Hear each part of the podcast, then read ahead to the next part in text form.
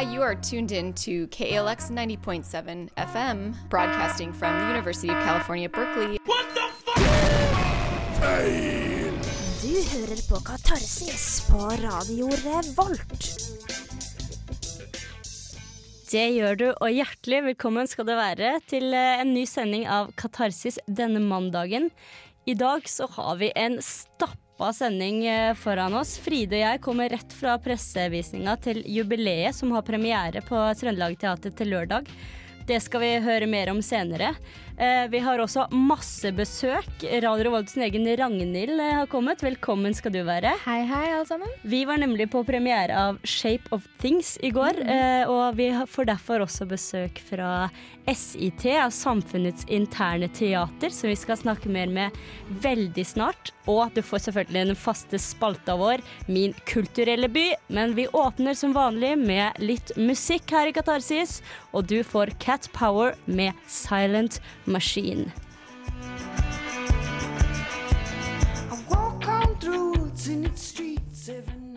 Ja, det var Silent Machine, det fra Eller av Cat Power. Nå har vi fått eh, besøk fra Samfunnets interne teater.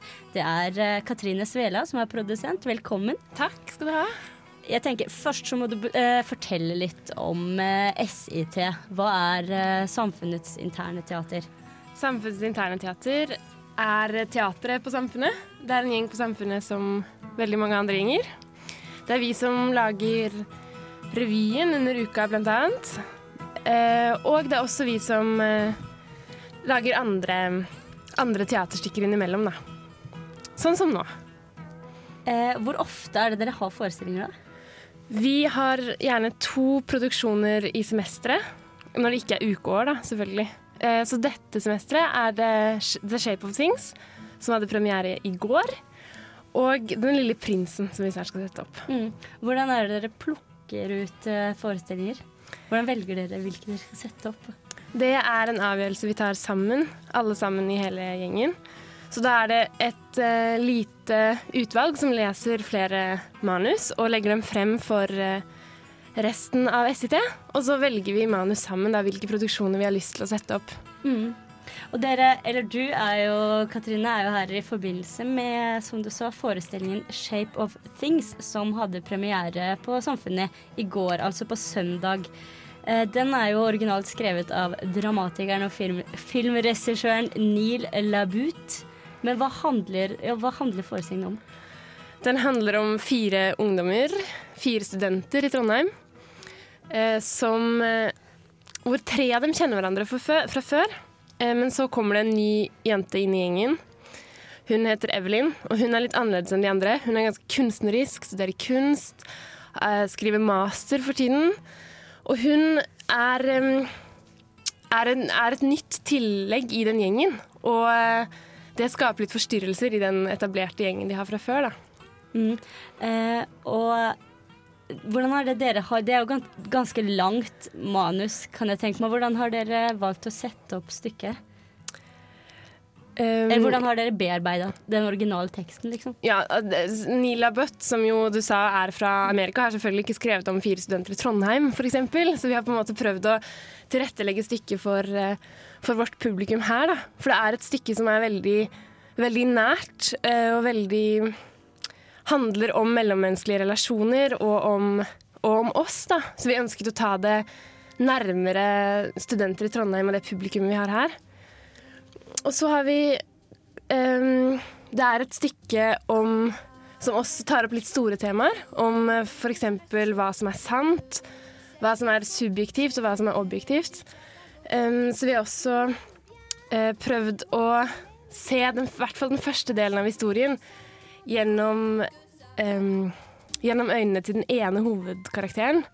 Og derfor er scenografien veldig abstrak, uh, abstrakt. Um, ja. Ja, for den er veldig, ganske minimalistisk, scenografien. Det ser ut som sånn Tetris-brikker. ja, det gjør det. Som dere bare vipper rundt. Det syns jeg var veldig smart. Takk. Det syns vi også. Ja. Ja. Eh, det er mye tekst og dialog i denne forestillingen. Det er tydelig at det er det som er fokus, og da ikke scenografien, kanskje. Fikk, fikk dere fortsatt med dere alt, alt dere ønsket, det uttrykket og det budskapet dere ønsket, selv om jeg vet at dere måtte kutte mye fra originalmanuset? Ja, jeg håper jo at vi får frem det dette manuset originalt også prøver å formidle. Uh, og jeg tror vi gjør det på en god måte. Uh, vi har selvfølgelig kuttet en del i stykker, det var ganske langt, så det er noen poenger som er tatt bort. Og det er liksom noen, noen scener og replikker som er strøket for å korte det ned, sånn at det passer innenfor vår og innenfor SIT sine forestillingstider. da. Uh, men jeg tror vi har beholdt det, det viktigste og det vesentlige. Mm. Mm. Hvor lenge er det Shape of Things skal gå på Samfunnet? Det går bare denne uken, så man må kjappe seg hvis man vil ha billett. Eh, vi spiller både i morgen to forestillinger, og vi spiller på onsdag én forestilling. På torsdag spiller vi to forestillinger igjen, og det gjør vi også på søndag. Hvordan kan man skaffe seg billett til denne forestillingen, da? Da går man inn på samfunnet.no, og så bestiller man billett. Eller man kan gå til eh, Samfunnet og kjøpe der. Ja. Mm. Tusen takk for at uh, du kom til oss, Katrine Svela. Og lykke til videre med forestillingene. Takk skal du ha. Vi skal snart få høre hva Ragnhild og jeg syns om eh, forestillingen 'Shape of Things', for vi så den eh, premiera i går, nemlig. Men først skal du få litt mer musikk her i Katarsis. 'Tallest Man on Earth' med 'Criminals'.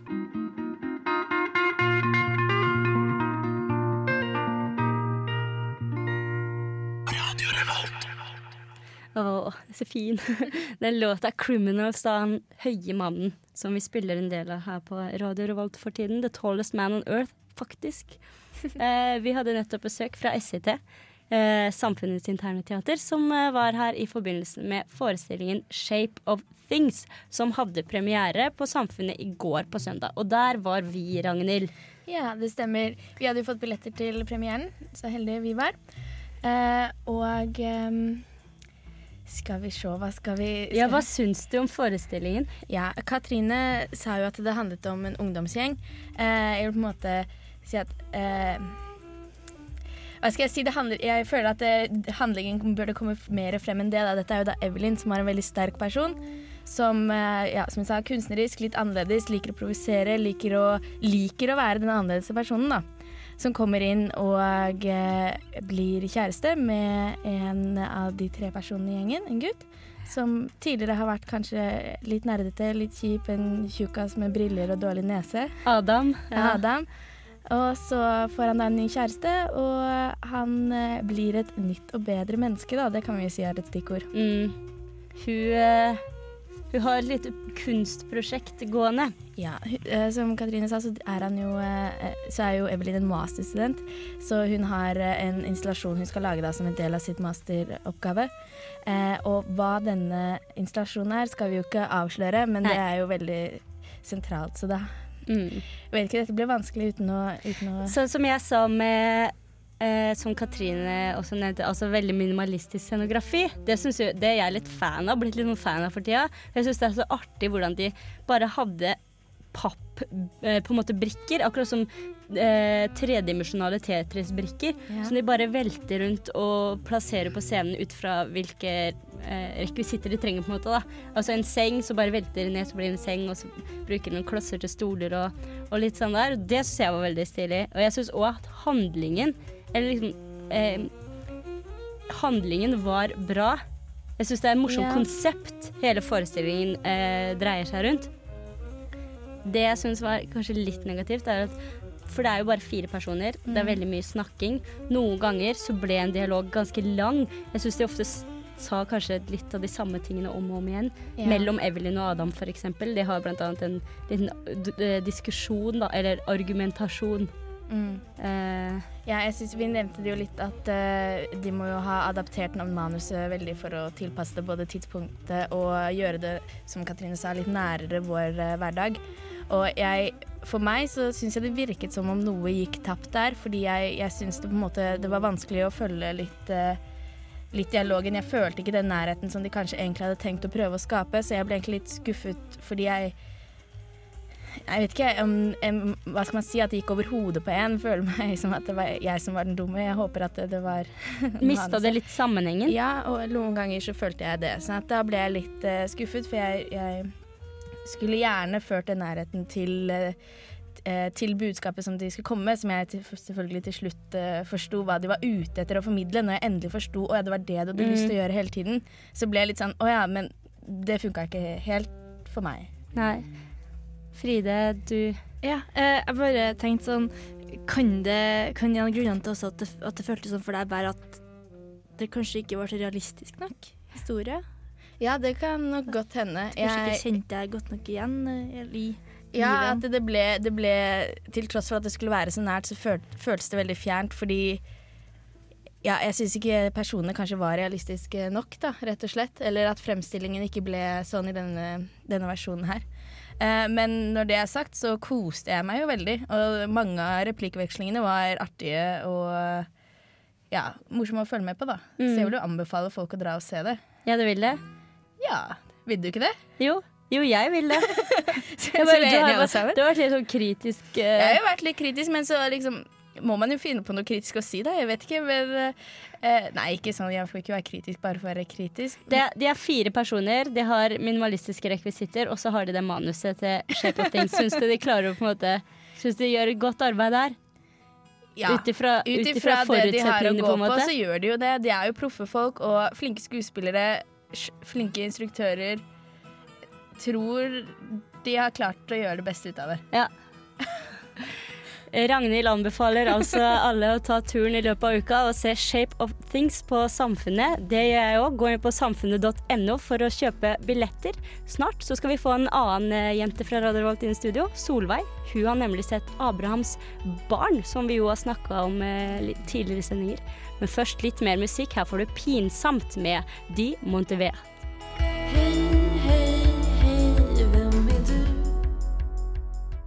Nå har vi fått uh, nytt besøk uh, i studio. Velkommen, Solveig. Tusen takk. Du er jo eh, gammel traver i Radio Revolt, du. Ja, stemmer det. Og vår side, liksom, hjelper sidekick for Katarsis har du vært den forrige uka. For du har jo vært og sett Abrahams barn på Olavskvartalet. Det har jeg. Jeg var på premieren, Trondheimspremieren på onsdag. Mm. Og hva syns du om det? Det, Kort. Veldig kort. Det var veldig bra. Det er jo en eh, monolog. Veldig spennende. Så eh, det anbefales. Det er altså én person som står på scenen, Svein Tindberg, som eh, tar for seg de tre det, det er vel de tre største religionene i verden. Jødedommen, islam og kristendommen. Som alle hevder å ha Abraham som sin stamfar.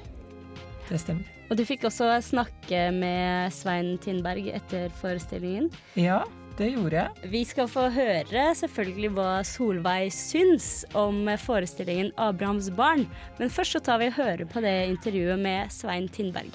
Svein Tindberg er for tiden aktuell med forestillingen 'Abrahams barn' i Olavshallen. I denne monologen tar han for seg deler av historiene til kristendom, jødedom og islam, og peker på de overraskende mange likhetene som finnes mellom dem.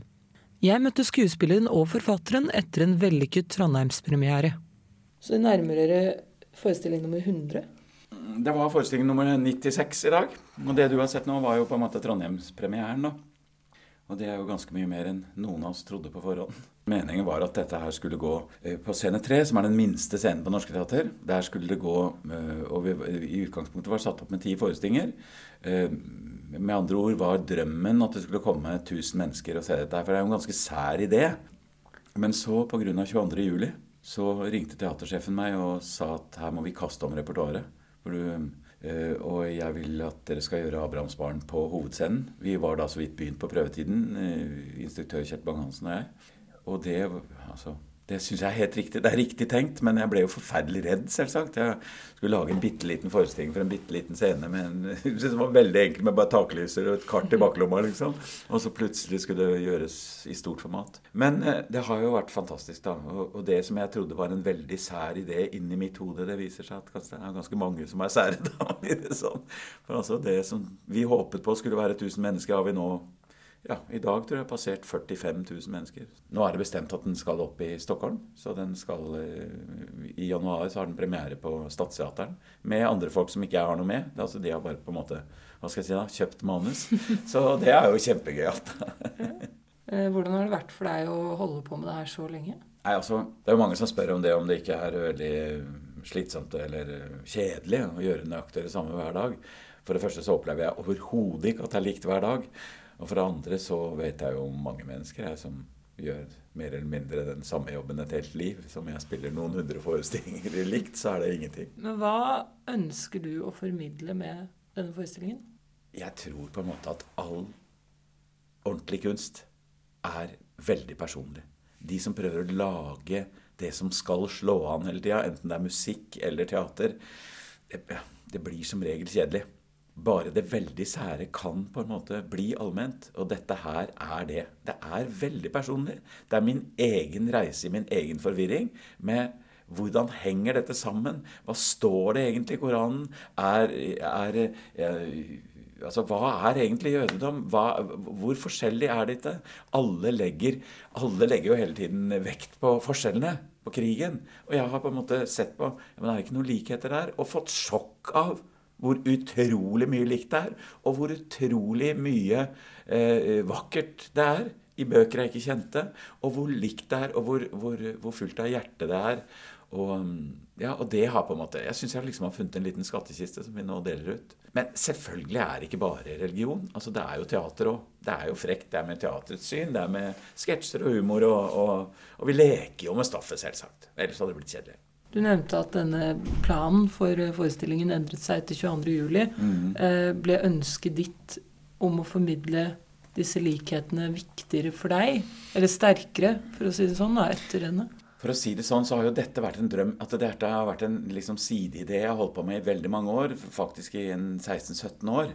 Eh, ikke at jeg har jobba mot en forestilling hele veien, men Abrahams barn skulle opp på Norske Teater ut fra mine drømmer før, lenge før 22. juli. Det er jeg veldig stolt av. Altså, sånn at Dette er ikke en forestilling som er liksom stabla på beina etter 22. juli. Sånn 'nå må alle mennesker være venner og holde hverandre i hendene'-forestilling. Det er overhodet ikke. Det er en gammel drøm. Det liker jeg. Det er jeg stolt av. Men selvfølgelig er jeg, som alle som sitter alle ser denne forestillingen, og alle i Norge selvfølgelig preget av det som hendte 22.07. Og en del av tekstene her blir annerledes for meg etter 22.07. Og jeg vet at alle som sitter i salen, har det også som et bakteppe i sitt hode. Men vi har ikke endret noe med teksten for å legge det opp mot 22. jul. Det er ikke nødvendig.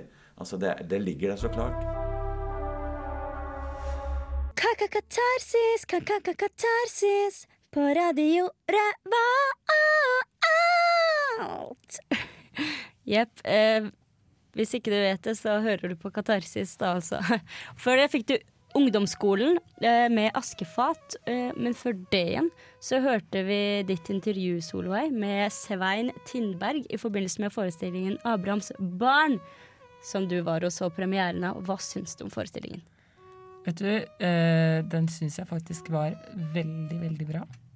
Det er jo, som vi nevnte tidligere, en monolog som da det er jo bare én mann på scenen, og han uh, gjør en veldig god jobb. For det krever jo mye å klare å holde tempoet og energien oppe og klare å fenge publikum.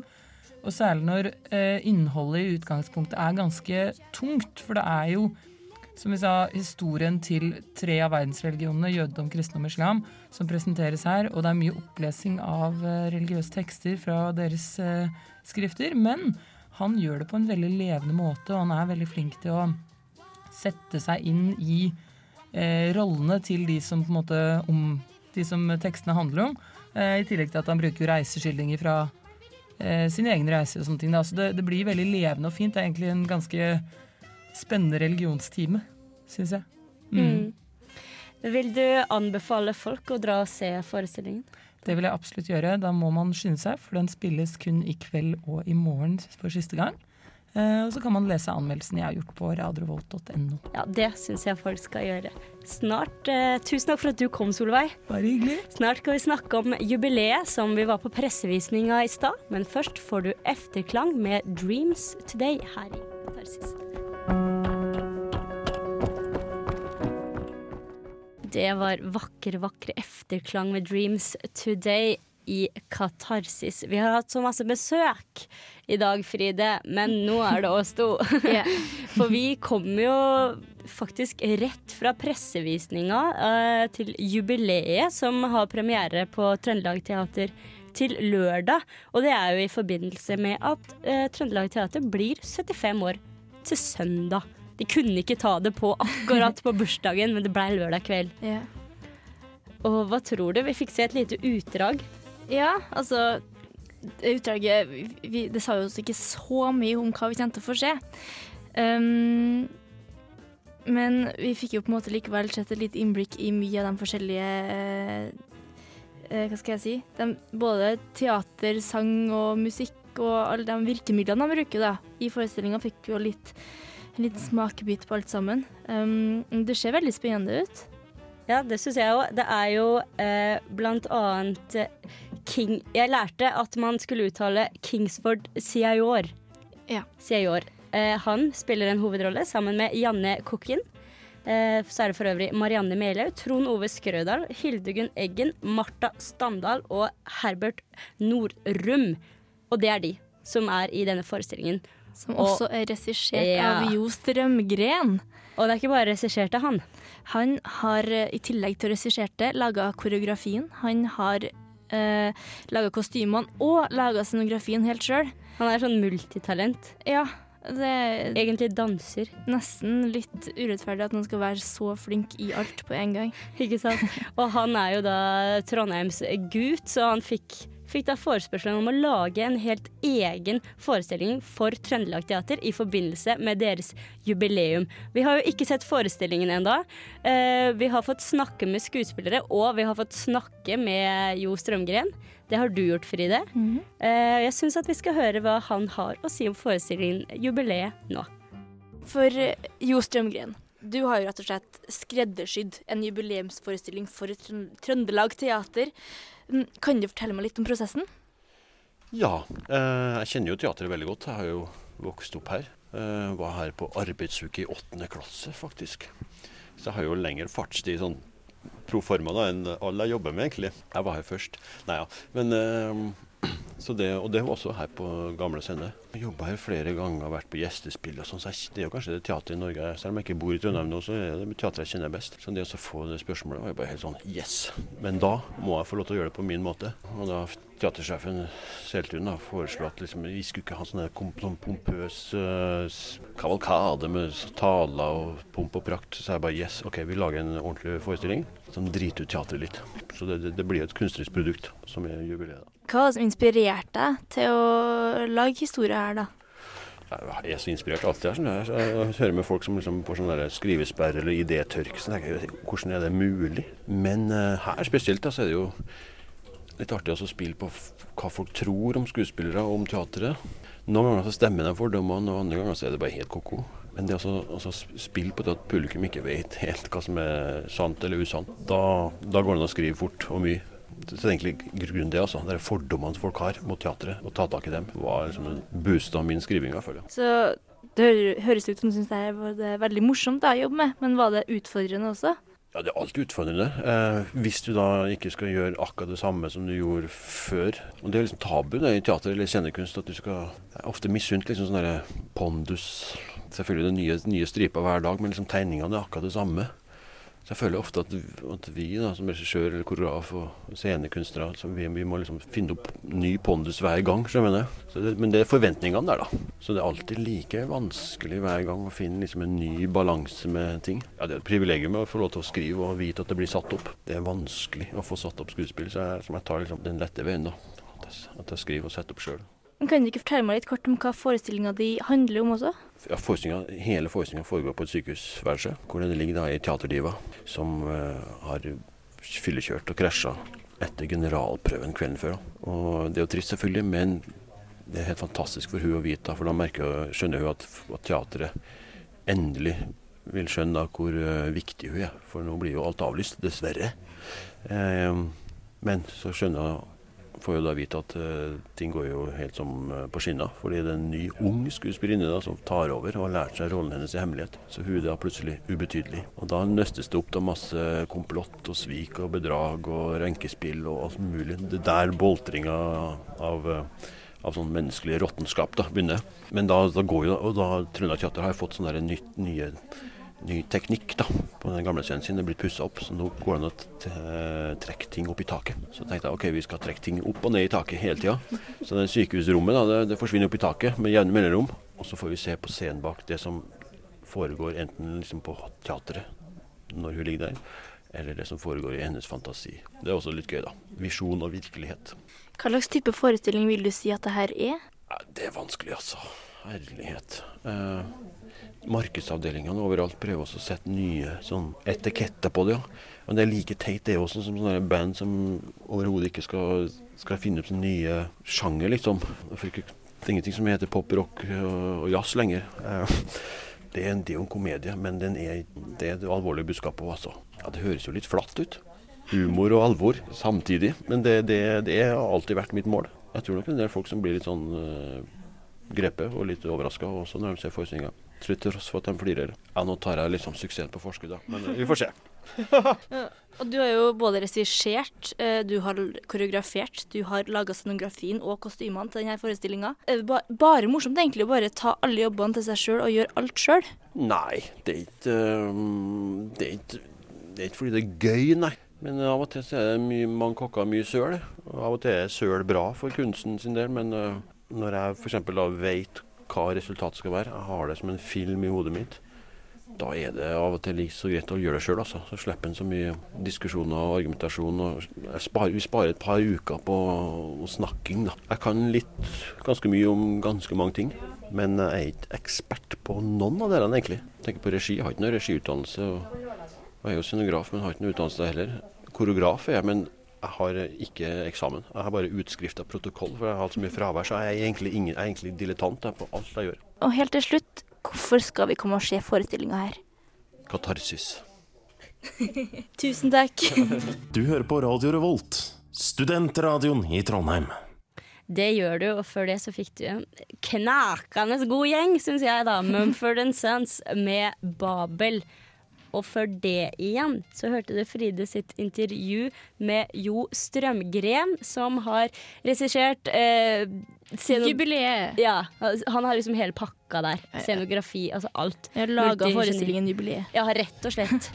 Eh, Den har premiere til lørdag, og eh, neste sending så eh, skal vi få høre litt fra Janne Kokken og Kingsford Sia- Siayor, som spiller hovedrollene i denne forestillingen. Det gleder vi oss til. Vi skal jo Mm. på Vi skal ikke på premiere, dessverre. Det får vi ikke tid til. Men vi skal Neste uke. neste uke. Så det blir veldig bra. Ja.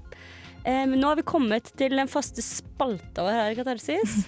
hvor jeg har med meg min lokalguide Fride og tar for oss Vi tar for oss ting i, i statuer og Fine ting å se på gratis i, i Trondheim. Rett og slett.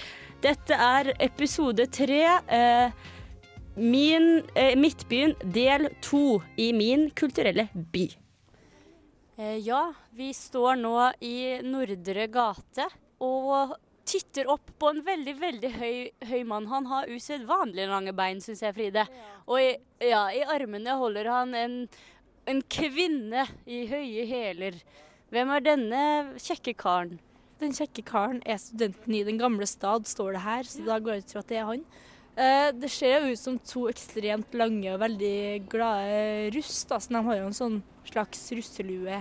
Det, det er vel egentlig det å si. Det, det artige med statuen her er jo at det er en kvinne med, eh, og jeg tror kanskje det er den andre statuen vi har her i Trondheim med en kvinne på sett bort ifra, eller da med torgkona.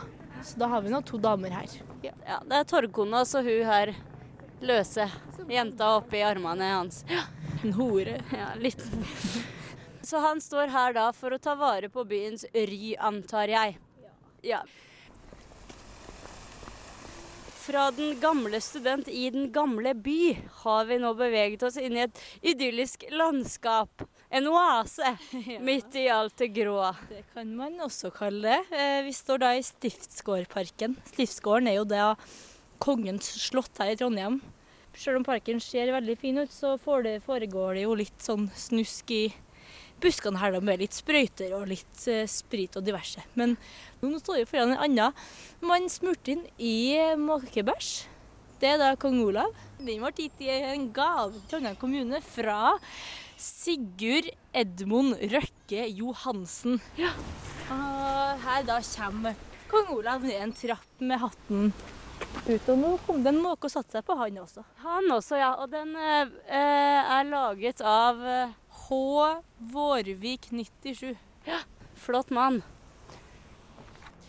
Eh, vi står nå utafor Nova kinosenter, men det er ikke for å se på kino, Fride. Her har vi en eh, velfødd mann, vil jeg si. Ja, det er vår kjære statsminister Johan Nygaardsvold. Han var eh, statsminister fra 1935 til 1945.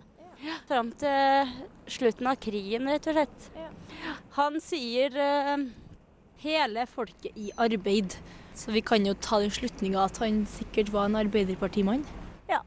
Og så kaster vi en krans rundt han 1. mai. Det blir bra. Ja, nå står vi nederst i Munkegata, nærmere bestemt Ravnkloa. Og foran oss så står det en staut kar. Den siste i sitt slag. Hvem er det, Fride? Det her er da Den siste viking. Eh, den siste viking er jo egentlig en bok skrevet av Johan Boyer. Ja, Det handler om det fattige folket fra Rissa, så man kan jo kanskje da tro at fattern også er derfra. Rissa er jo da et lite sted over fjorden ute på Fosen. Ja, Historien handler rett og slett om fiskere fra Rissa som drar ut, og det dramatiske som skjer ute på sjøen. og Noen drukner, og det handler jo da om et far- og sønnforhold på den båten her, hvor sønnen får være med på sin første tur, og da liksom blir mann på den turen her, som han opplever så mye farlig og sånn. Nå skal vi eh, rett og slett bevege oss eh, mot eh, det siste målet for denne gang, nemlig torget og Olav Tryggvason.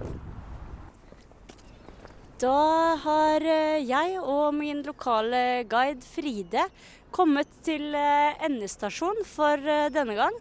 Og det er selvfølgelig Trondheim torg. Og her finner vi ingen ringere enn Olav Tryggvason står det, men hvis man skal være et korrekt vikingmål, så er det vel Olav Tryggvason. Der står han med eh, en kopp, tror jeg, og et sverd, og han har da et avhugga hode mellom føttene. Det andre som er litt spesielt med statuen her, er at vi har en veldig stor eh, hva skal jeg si, brosteinpyntingring rundt her. Brosteinsirkel. Ja, det kan man jo si. Eh, det er faktisk et solur, så når sola skinner, så peker da skyggen til Olav Tryggvason, sånn at de som kan jo lese solur, kan forstå klokka. Det man også kan si, er at det er jo, Han brukes jo også som maskot for Trondheim-russen. Så hver 1. mai så bruker russen på en eller annen slags måte. Jeg vet ikke hvordan jeg har vært russ her sjøl, men jeg har aldri helt funnet ut hvordan man klarer å sette den røde lua helt oppå der. Men eh, På toppen av hodet på til Olav. av hodet til Olav bruker det å være en rød lue i russetida. Men eh, jeg har aldri forstått hvordan.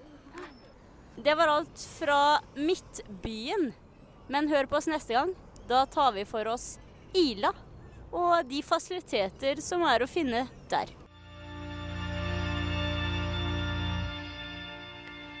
Hanne Kolstø der med 'Elevator' her i Katarsis, som dessverre begynner å gå mot slutten. Tiden renner så altfor fort ut, Fride. Ja, det er ikke så mye vi kan gjøre med det heller, da. Nei, sånn er det. Ti tiden er tiden. Eh, I dagens sending så har vi hatt masse besøk. Vi har hatt besøk fra Samfunnets interne teater i forbindelse med forestillingen The Shape of Things. Eh, som går helt til neste søndag. Den var jo jeg og Ragnhild også. Den vil vi anbefale alle å ta turen og se. Vi har også hatt besøk av eh, Solveig, som eh, har vært og sett Abrahams barn på Olavshallen, og hun syntes den var veldig flott. Eh, og jeg syns at alle burde gå inn og lese anmeldelsene hennes på radiorevolt.no. Og det kan dere gjøre med en gang, fordi da har dere fortsatt tid til å bestille billetter til siste forestilling, Mm. som er i morgen. Ja. Og Fride og jeg, vi har jo også vært eh, på pressevisninga til et jubileum. Ja. Mm.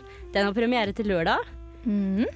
Spilles i gamle sal... Gamle, på gamle scene, heter det. Nyrestaurert. Ja. Mm. Og det er da Jo Strømgren som har uh, Regi, koreografi, scenografi og kostyme. Han har rett og slett lagd en forestilling for uh, Trøndelag eh, Teater Mm. i forbindelse med 75-årsjubileet deres. Det skal også sies at uh, gamle, salen har vel, gamle scene har vel 200 års Ja, jubileum òg. gamle scene er 200 år.